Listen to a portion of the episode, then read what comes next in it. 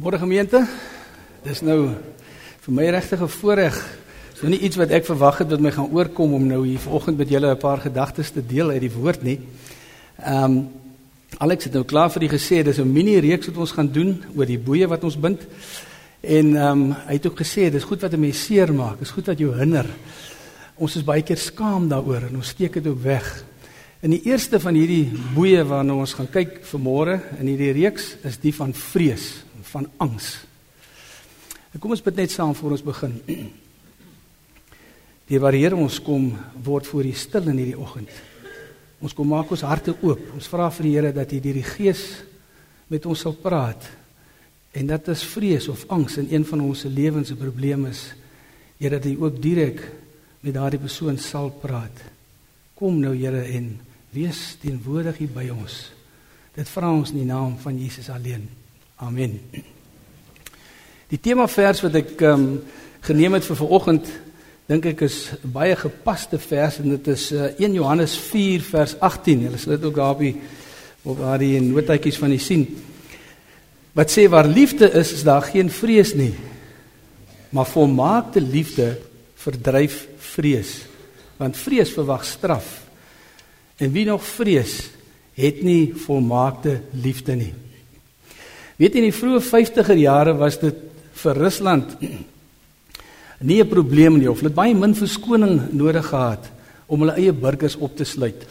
Jy moet maar net ietsie in twyfel trek wat Stalin gesê het of uh, kritiek lewer teen die Russiese ehm uh, kommunistiese regime en jy kon jouself baie gou bevind waar jy in die eisige Russiese toendra stap agter die doringdraad van 'n konsentrasiekamp. Nou dit is wat Boris Konveld oorgekom het. Daar's geen rekord van sy beweerde uh, misdaad nie en ons weet baie min van hom. Daar's baie min van hom opgeteken. Ons weet wel dat hy 'n Jood was. Ons weet dat hy 'n opgeleide geneesheer was. En ons weet dat 'n Christen hom bevriend het terwyl hy daar in die konsentrasiekamp was. En hulle het natuurlik tyd as hy nou in so 'n konsentrasiekamp is. en hulle het lang gesprekke gehad, lang geestelike gesprekke gehad. En met die tyd het Boris begin om die beloofde Messias van die Ou Testament te herken in die Nasareener van die Nuwe Testament. En dit het in elke greintjie van sy Joodse herkoms gegaan om Jesus as die Messias te erken. Maar hy het daardie besluit geneem. En daardie besluit het hom ook sy lewe gekos. Hy het eendag gesien hoe een van die bewaarders brood steel van 'n sterwende gevangene. Nou in die verlede sou hy nou nie die misdaad uh aangemeld het nie, maar nou het sy gewete hom gedring om dit wel te doen. Wel wetend dat die ander wagte baie gou gaan begin wraak neem vir hierdie ding wat hy nou bekend gemaak het. so hy was eintlik in 'n lewensbedreigende situasie. Maar weet jy te midde daarvan het hy absoluut geen vrees ervaar nie. Vir die eerste keer in sy lewe sê hy het hy nie die dood gevrees nie en hy het nie die ewigheid gevrees nie. Hy het net een behoefte gehad en dit is om voordat hy doodgaan met iemand hierdie ding te deel wat hy nou geleer het, naamlik dat Jesus die Christus is. En daardie geleentheid het hom voorgedoen in die vorm van 'n 'n medegevangene, 'n jong kankerleier wat buikchirurgie gehad het. En hy's toe aan die herstel van die buikchirurgie. En op 'n stadium is Boris Konveld wat nou self ook 'n geneesheer is, het hy ehm um, is hy in die herstelkamer saam met hierdie jong man, is hy alleen in die herstelkamer saam met hom. En met dringendheid het hy vir hierdie jong man gefluister wat hy uitgevind het. In detail het hy hom vertel dat Jesus die Christus is. En die jong man het uh, het gelyk of hy inter, geïnteresseerd is, maar hy was nog besig om te herstel van die narkose en hy het toe aan die slaap geraak. Die volgende oggend toe vra hy nou waar is hierdie goeie dokter? Hy wil met hom gesels. Maar helaas die vorige nag het iemand die dokter aangeval het om met 'n hamer aghoue teen sy kop geslaan. Sy kollegas het hulle bes gedoen om sy lewe te red, maar te vergeefs. Die jong man het die konsentrasiekamp oorleef. En hy het begin skryf oor die wreedheid en die mishandeling wat hulle ervaar het in die konsentrasiekamp. Een boek na die ander, een boek na die ander. En baie mense skryf gedeeltelik die val van die kommunisme in Oos-Europa toe juis aan hierdie geskrifte van hom. En was dit nou nie vir die vreesloosheid van Boris Konveld toe hy vervul is met die Gees nie? Dan het ons nooit die geleentheid gehad om hierdie briljante jong bekeerling van hom Alexander Solzhenitsyn se werke te sien nie. Vrees is een van die mees basiese instinkte wat daar in elke lewende wese bestaan. Dis 'n sterk emosionele reaksie as gevaar dreig. Nou hierdie gevaar kan 'n regte gevaar wees of dit kan net vir jou 'n gevaar in jou verbeelding wees. Want vrees funksioneer as 'n beskermingsmeganisme. Dit stel die prosesse in die liggaam aan die gang waar jy jouself kan beskerm as jy in 'n gevaarsituasie is. Daar word adrenalien vrygestel, die sogenaamde vlug of veg respons kom in werking sodat jy optimaal kan reageer uh, teen gevaar. So vrees is 'n natuurlike emosie wat die Vader in ons geplaas het om ons te help om onsself te beskerm. Maar om met 'n mentaliteit van vrees of 'n gees van vreesagtigheid te lewe is verseker nie van die Vader nie. Hierdie tipe vrees het 'n universele manier om om te werk. Dis 'n 'n denkpatroon van vrees wat jy ontwikkel. Dit dit laat jou nie logies dink nie en dit verdof jou jou visie eintlik vir die toekoms. En hoewel dit geen fisiese uh, vorm het nie, kan dit vir jou voel soos 'n onoorkomelike muur wat voor jou lê. Maar jy het 'n keuse. Jy kan hierdie vrees net maar net akkommodeer en hierdie boeye kan maar aan jou bly wat jou boei weens die vrees in jou lewe of jy kan jou vrees gaan konfronteer. Weet jy, ehm um, vrees het mos nou 'n manier om jou vertroue in God net eenvoudig weg te kalwe en weg te kalwe hoe langer dit aangaan. Ons sien interessant genoeg dat in die evangelies is daar 125 opdragte. As ons nou die klomp evangelies saamvat en ons tel hulle bymekaar, dan is daar 125 opdragte wat Jesus self direk vir ons gee. Weet jy 21 van daardie 125 is om nie te vrees nie. Die een die tweede meeste opdragte kan jy raai is om God lief te hê en jou medemens lief te hê. En dit kom net 8 keer voor. Sodat dit lyk dit blyk regtig asof God erns maak met ons vrese. As ons kyk na die storie van Adam en Eva en die sondeval in Genesis 3, dan sien ons dat direk nadat Adam en Eva 'n direkte bevel van God verontagsaam het, het Adam weggehardloop en hy het gaan wegkruip. Ons sien in vers eh, vers 10 sê ek het u in die tuin hoor wandel en ek het bang geword want ek was kaal en ek het weggekruip. God het geweet Adam gaan bang word weens die feit dat hy gesondig het. Weet jy kan nie nou voorstel waar hierdie ongelooflike verhouding van God met Adam en Eva waar hulle in die tuin saam met God wandel en saam met God kan direk praat ongelooflike verhouding. Deur sonde het dit net vervreemding gebring en word dit nou vervang deur vrees. God het geweet Adam gaan vrees weens die sonde wat hy gedoen het. En ons sien in vers 9 sê God Adam, waar is jy? Want God wil hê dat ons na hom toe hardloop as die sonde dreig en as vrees ons bedreig, nie weg van hom af nie. Want dan vererger ons die probleem, want ons sluit God uit van die oplossing vir die probleem. Sonde bring net vervreemding.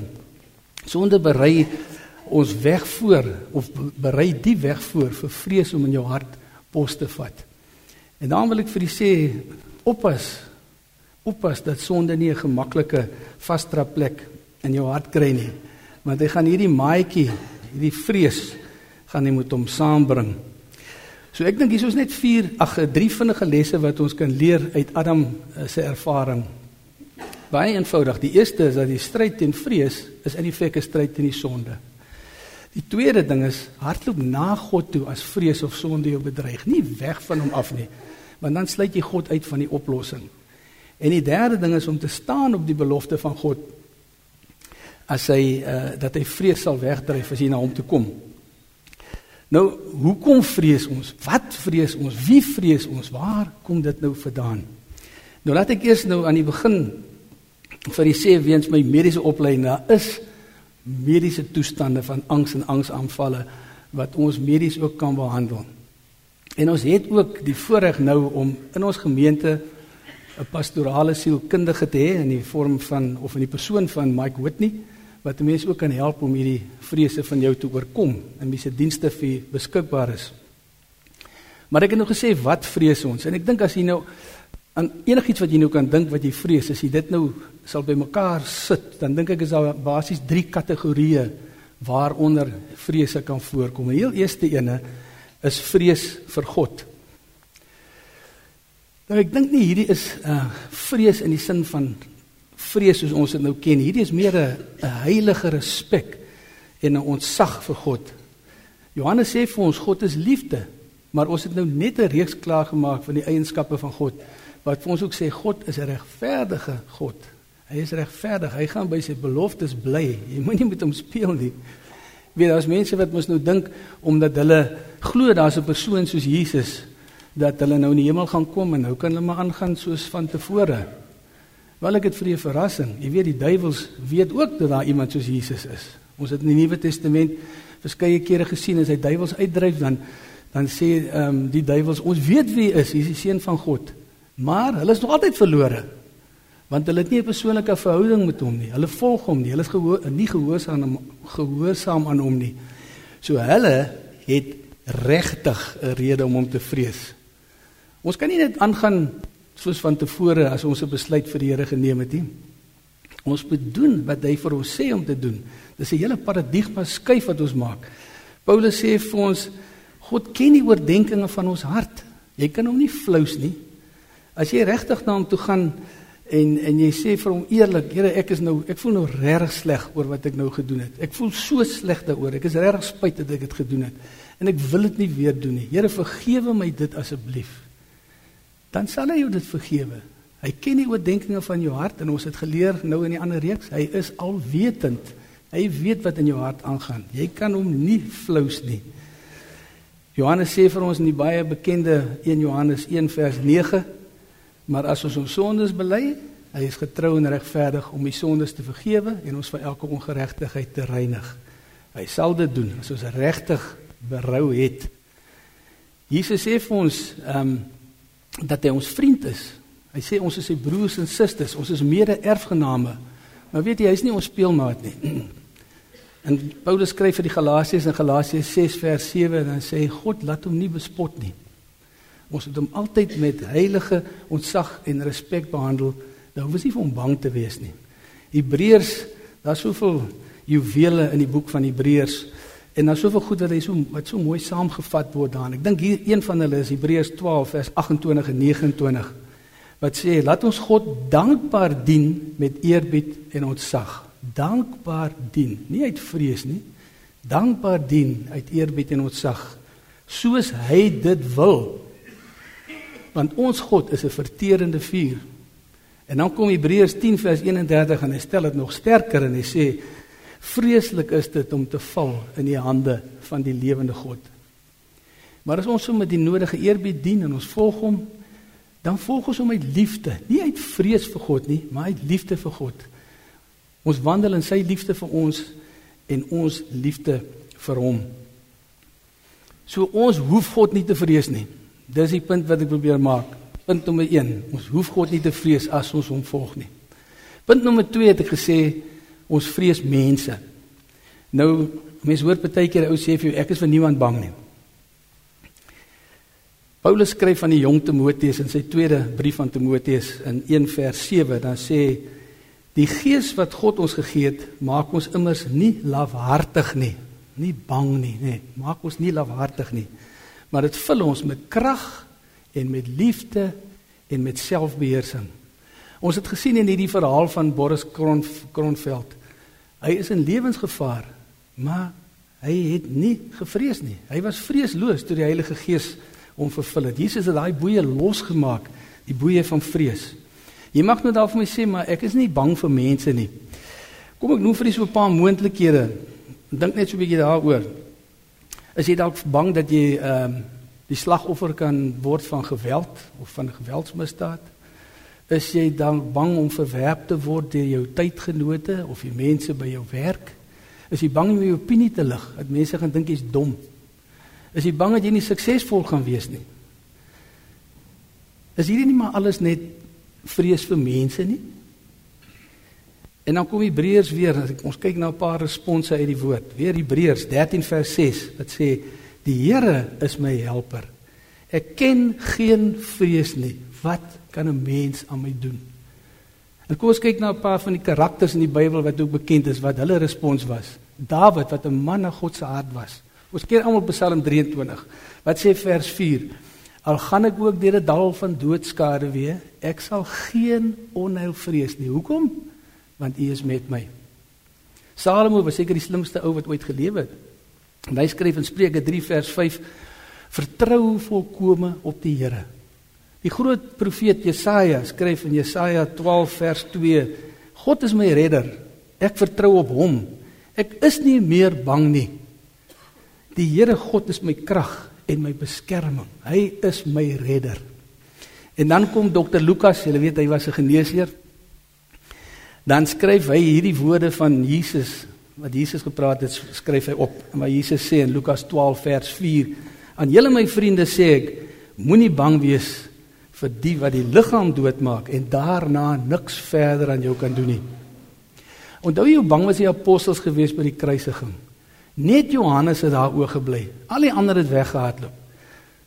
Petrus het aanvanklik met sy voortvarende bravade het hy nou wel Malchus se oor afgekap, maar jy sal onthou wat daarna gebeur het. Hy het daarna drie keer gesê, "Maar ek ken nie die man nie." Hy was met die bangste van die lot. Maar wat het gebeur het nadat hulle die opgestaane Jesus gesien het? Hulle was vreesloos. Almal van hulle het 'n martelaars dood gesterf. Behalwe Johannes wat daar by die kruis agtergebly het, is oor die 90 jaar oud en eintlik aan ouderdom gesterf het. So ons hoef nie mense te vrees nie. God sê ons hoef nie mense te vrees nie. Ons moet op hom fokus en jy hoef nie vir mense bang te wees nie. Die derde punt is dan nou om die dood te vrees. As gelowiges hoef ons ook nie die dood te vrees nie. Paulus sê vir ons Christus het vir ons gesterwe. Hy sê om te om te lewe is Christus en om te sterwe is wins. Die angel van die dood is uitgehaal toe Christus vir ons gesterf het aan die kruis en toe hy opgestaan het uit die dood. En dan weer eens kom Hebreërs baie mooi met 'n samevatting. Hy sê in Hebreërs 2 vers 14 en 15 En luister nou mooi. Amper praat ek nou soos ons president. Listen carefully. dit het hy gedoen om deur sy dood die een wat mag het oor die dood. Dit is die duiwel te vernietig en om hulle en luister nou hier, om hulle wat uit vrees vir die dood hulle hele lewe lank in slawerny was te bevry. Hy het daai boeye van ons afgehaal.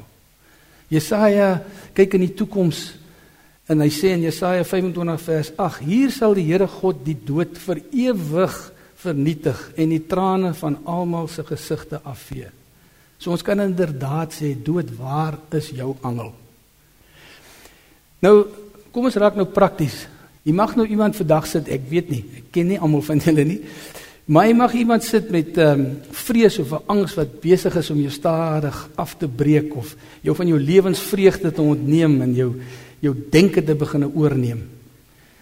En nou wil ek net vir julle 'n paar baie eenvoudige praktiese riglyne gee van wat moet ek doen? Hoe moet ek dit hanteer? En ek dink daar op die um, notatjies sal jy nou sien punt 1 en daar kan jy skryf kniel voor die Here. Kniel voor die Here. Dis die eerste punt. Gaan kniel voor die Here. Ons het nou geleer uit die reeks God is alwys, hy's alwetend, hy's die bron van alle wysheid. Gaan kniel vir hom, voor hom en bid hierdie gebed wat in Psalm 139 in verse 23 en 24 opgeteken is. Heel eenvoudig. Daar staan: "Deurgrond my, o God, deurgrond my hart. Ondersoek my. sien tog my onrus raak. Kyk of ek nie op die verkeerde pad is nie en lei my op die beproefde pad. Jy moet dus eers gaan besluit of jy op die regte pad is. En as jy nie is nie, jou saak met die Here regmaak as jy van jou vrese ontslaaf wil raak. Die tweede punt en dit wil ek in 'n A en 'n B afdeling vir u stel. Kom ons sê 2A.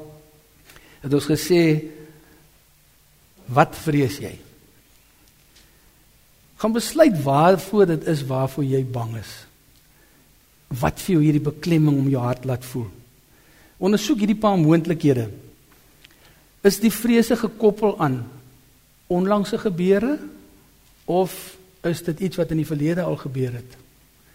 Is dit gekoppel aan 'n leefstyl of 'n verhouding wat jy in die verlede gehad het wat nou al afgehandel is en afgelê is? Maar die vrees daarvoor hou jou nog steeds gevangene. In die eerste plek gaan dink daaroor, is hierdie vrees regtig 'n vrees of verbeel ek my maar net dat ek daarvoor moet bang wees? Is dit die moeite werd om daarvoor bang te wees?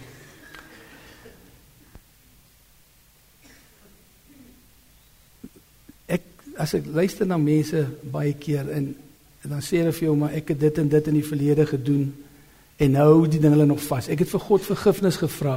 God vergewe ons, maar ons vergewe baie keer nie onsself nie. En weet jy wat lê aan die basis daarvan om beheer te word deur vrees? Dis die valse geloof dat ek geen beheer oor my vrees het nie en dat al genade is net om problematiese situasies te vermy. Nou dit is wyse raad om problematiese situasies te ver, vermy waar jy moontlik kan probleme optel. Maar die waarheid is dat God wil hê dat ons ons vrese aanpak, benader in sy krag.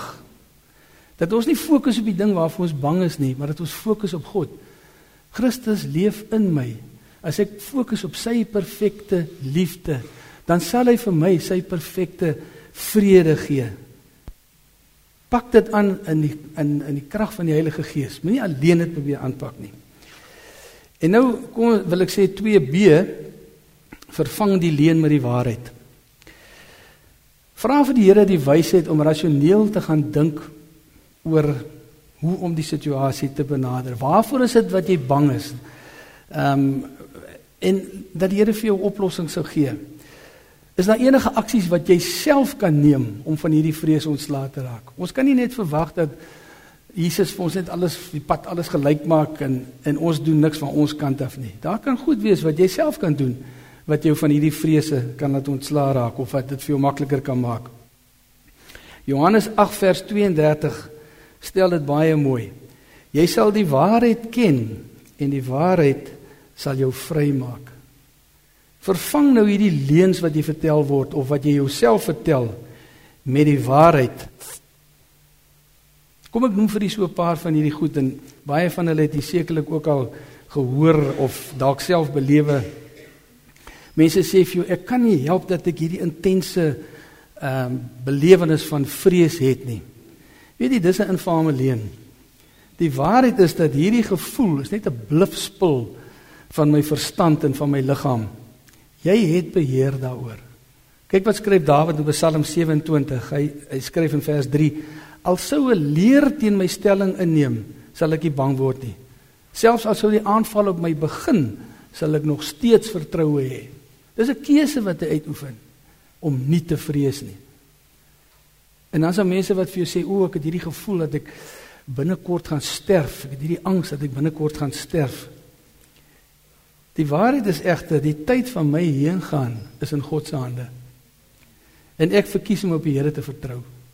Job vat dit so mooi saam as hy die volgende skryf in Job 14 vers 5. Die mense daar is vasgestel U het die getal van sy jare bepaal. U het dit neergelê en hy kan dit nie oorskry nie. En as ons saak met God reg is, hoef ons in elk geval nie die dood te vrees nie. Wat is dan nog wat mense vir jou sê wat hulle bang maak? Mense sê, "O, wat gaan die mense sê? Um, wat gaan die mense van my dink?" Hierdie vrees vir mense, nê. Nee. Weet jy wat is die waarheid? Die waarheid is dat my vrede daarin bestaan dat ek God wil tevrede stel, nie mense nie. 2 Korintiërs 5 vers 9 sê of ons nou hier woon en of ons daar woon, ons het net een wens en dit is om te lewe soos hy dit wil. Ons moet God tevrede stel, nie mense nie. Nie wat mense van my dink nie. En dan is daar mense wat sê, "O, oh, dis 'n hopelose geval. Ek is hopeloos. Dit kan nooit verander nie." Dis 'n ou leuen daai ene.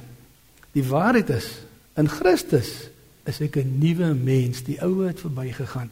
Jy ken die vers in 2 Korintiërs 1 ag 5 vers 17 wat sê iemand wat in Christus behoort is 'n nuwe mens. Die ou is verby, die nuwe het gekom. Niks is onmoontlik nie. In my praktyk het ek nou gehoor mense sê vir my ek is nou so senuweeagtig, ek kan nie logies dink nie. Weet jy wat is die waarheid? Filippense 4 vers 7 ken ons omtrent almal. En die vrede van God wat alle verstand te bowe gaan sal oor julle harte en julle gedagtes die wag hou in Christus Jesus. Laat vir Jesus in jou lewe toe en die vrede van God sal van jou besit neem. Mense sê baie keer ek is ek voel so vasgevang en daar's geen manier dat ek hier kan uitkom nie. Die waarheid is God sal altyd vir jou 'n uitweg maak. Ken julle die liedjie wat sê God will make a way where there seems to be no way. En dan skryf Paulus aan die Korinte en dit was maar 'n rowwe klomp ouens daar in Korintiërs. Skryf hy vir die Christene daar in 1 Korintiërs 10 vers 13. En die vers ken julle ook goed. Geen versoeking wat meer is as wat 'n mens kan weerstaan, sal julle oorval nie. God is getrou. Hy sal nie toelaat dat jy bo jou vermoë versoek word nie. En as die versoeking kom, sal hy ook vir jou die uitkoms gee sodat jy dit kan weerstaan. Die derde punt wat ek wil maak, ek het nou gesê, sorg sorg dat jou pad reg is, identifiseer die oorsaak van jou ehm um, van jou vrese. Kyk wat jy self kan doen om dit te verbeter en vervang die leuen met die waarheid. En die derde wat ek vir u wil noem is eintlik maar 'n bemoediging. Stel vir u vir die oomblik in die skoene van Joshua. Hy het nou saam met Moses getrek vir 40 jaar deur die woestyn met hierdie weerbarstige Joodse volk, klomp slawe en ehm um, hulle is net moeilik. Al sien hulle al hierdie wonderwerke wat God doen. En nou net voordat hulle in hierdie beloofde land moet ingaan, nou val die mantel van Moses op Joshua. Hy weet hy moet nou hierdie moeilike klomp ouens moet hy lei in die beloofde land in. Hy weet daar's ander volkere wat wat hulle sal moet beveg, wat hulle gaan aanval. Hy weet die klomp Jode is 'n klomp slawe, hulle is nog nooit militêre opleiding gehad nie. Ek dink as ek Joshua was, sou ek nogal bang gewees het vir daai opdrag. Maar kom ons kyk wat sê. Ehm um, die Here self, God self sê vir Joshua die volgende woorde in Joshua 1 vers 7 tot 9. Hy sê wees veral sterk en baie vasberade in die uitvoering van die wet wat my dienaar Moses jou beveel het. Moet daarvan nie links of regs afwyk nie, dan sal jy voorspoedig wees waar jy ook al gaan. Hierdie wetboek moet die rigsnoer wees vir alles wat jy sê. Oordink dit dag en nag en sorg dat jy alles uitvoer wat daarin geskryf staan. Dan sal jy slaag in wat jy moet doen en jy sal voorspoedig wees. Ek self gee vir jou hierdie opdrag. Wees sterk. Wees vasberade en moenie skrik nie. Moenie bang wees nie, want ek die Here jou God is by jou oral waar jy gaan. So daarby punt 3 kan jy sê wees sterk en wees vasberade, soos wat God self vir Joshua gesê het. En punt 4 kan jy ook sommer dan invul. Ons het nou gesien dat die Here vir Josua verseker van sy teenwoordigheid. So vertrou op die Here. Vertrou op die Here. Spandeer kwaliteit tyd in gebed met die Here. Raak stil voor hom en vertel vir hom wat dit is wat jou kwel. En as hy vir jou wys wat dit is wat die probleem is en hy wys vir jou die oplossing, gaan doen dit dan. Onthou as ek sê om julle ken die liedjie wat sê wees stil en weet ek is die Heer. 'n Gesprek is mos nou tussen twee persone, is mos nou twee rigting gesprek. As een ou praat, is dit net 'n toespraak. So as jy met die Here gaan praat, soos wat jy met iemand anders praat, dan gaan sê jy vir hom wat jou probleem is. Hy weet in elk geval wat jou probleem is, maar hy wil hê dat jy jou jou afhanklikheid van hom moet bely. En dan luister jy. Jy raak stil. En dan sal jy agterkom dat God bring vir jou gedagtes, bring vir jou oplossings, begin 'n pos vat in jou kop. Jesaja 30 vers 15. Julle krag lê in stil wees en vertroue hê. Weet jy, kom ek gee vir net so 'n illustrasie.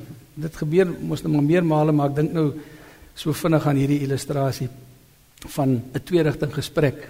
Ek het by geleentheid moes ek gaan ehm um, werk in in Engeland in Newcastle en 'n mens land altyd vroeg môre so 20 oor 6 land jy op Heathrow en ehm um, ek het toe nie lus gehad om toe al die trein te vat om Newcastle toe te ry nie. En ehm um, ek neem toe die moltrein en ek gaan na die die Thames, die Thames rivier. En ek stap daar langs die Thames. Dit is heerlik, dit is vroeg in die oggend, is sonoggend. Vars lug en daar's baie min mense en is net rustig langs die rivier. En ek loop rustig daar en ek moes op net kort daarna moes ek 'n praatjie lewer oor die waarde van die woord. Ek onthou nog die tema, die waarde van die woord. En ek het nie regtig geweet hoe om dit ehm um, te benader nie. Ek het nie raamwerk gehad waar binne ek ehm uh, die praatjie wou aanbied nie. En ek loop daar langs die rivier en ek sê vir die Here, Here, U weet ek moet hierdie praatjie aanbied, maar ek weet nou nie hoe nie. Ek weet nie hoe om dit te benader nie. Help my asseblief om te sien wat ek moet sê. En toe bly ek stil. Ek het nou klaar gepraat. Nou luister ek. Ek loop rustig langs die rivier en weet jy op 'n stadium kom hierdie raamwerk so voor my geestesoog en ek sien duidelik wat ek moet sê. En ek het daar gaan sit en dit in dit neergeskryf, die raamwerk neergeskryf. Ek het nou later die detail gaan invul, maar die raamwerk van wat ek wou gehad het. So wat ek wil sê is wees stil. Hou jou jou oor by wyse van spreuke naby aan die mond van die Vader en luister wat dit is wat hy vir jou wil sê. Wees verseker dat 'n gees van vreesagtigheid nie die wil van die Vader is nie. Hy wil vir jou vrede gee. Hy kan vir jou vrede gee. Hy sal vir jou vrede gee as jy hom volg en na hom toe hardloop en nie weg van hom af hardloop nie. Hy sal daai boeye van jou afhaal en jou verlos van hierdie vrees wat jou so kniehalter en verhoed dat jy jou lewe voluit kan lewe. Hardloop na hom toe. Hy wil jou verlos. Hy kan jou verlos. Glo in hom, volg hom en laat hom toe om jou vry te maak. Nou dan wag, dan mag van u wees wat wat 'n probleem het met vrees vir môre. Ek gaan net vir ons 'n kort gebed doen. Ehm um, as dit so iemand dis bid net in jou hart saam met my en dan praat ons net met die Here. Kom ons bid saam. Diewe Vader, Ons het by herhaling vanmôre weer gesien dat U almagtig is, dat U alwys is, dat U alwetend is en dat U vir ons die beste wil hê, dat U ons wil verlos van ons vrese. Dat U wil hê dat ons die vryheid geniet wat ons in U kan beleef. Here, ons bid is dat daar iemand vanmôre hier is in wie se hart daar 'n vrees is, irrasionele vrees. Here dat U deur die woord vanmôre ook aan hulle harte sal raak en vir hulle sal verseker dat dit nie nodig is nie. Dat jy nie hierdie boeye hoef te dra nie en dat u hulle daarvan kan en sal verlos as u as hulle na u hardloop. Here wat ons dan bid, bid ons in die naam van koning Jesus alleen. Amen.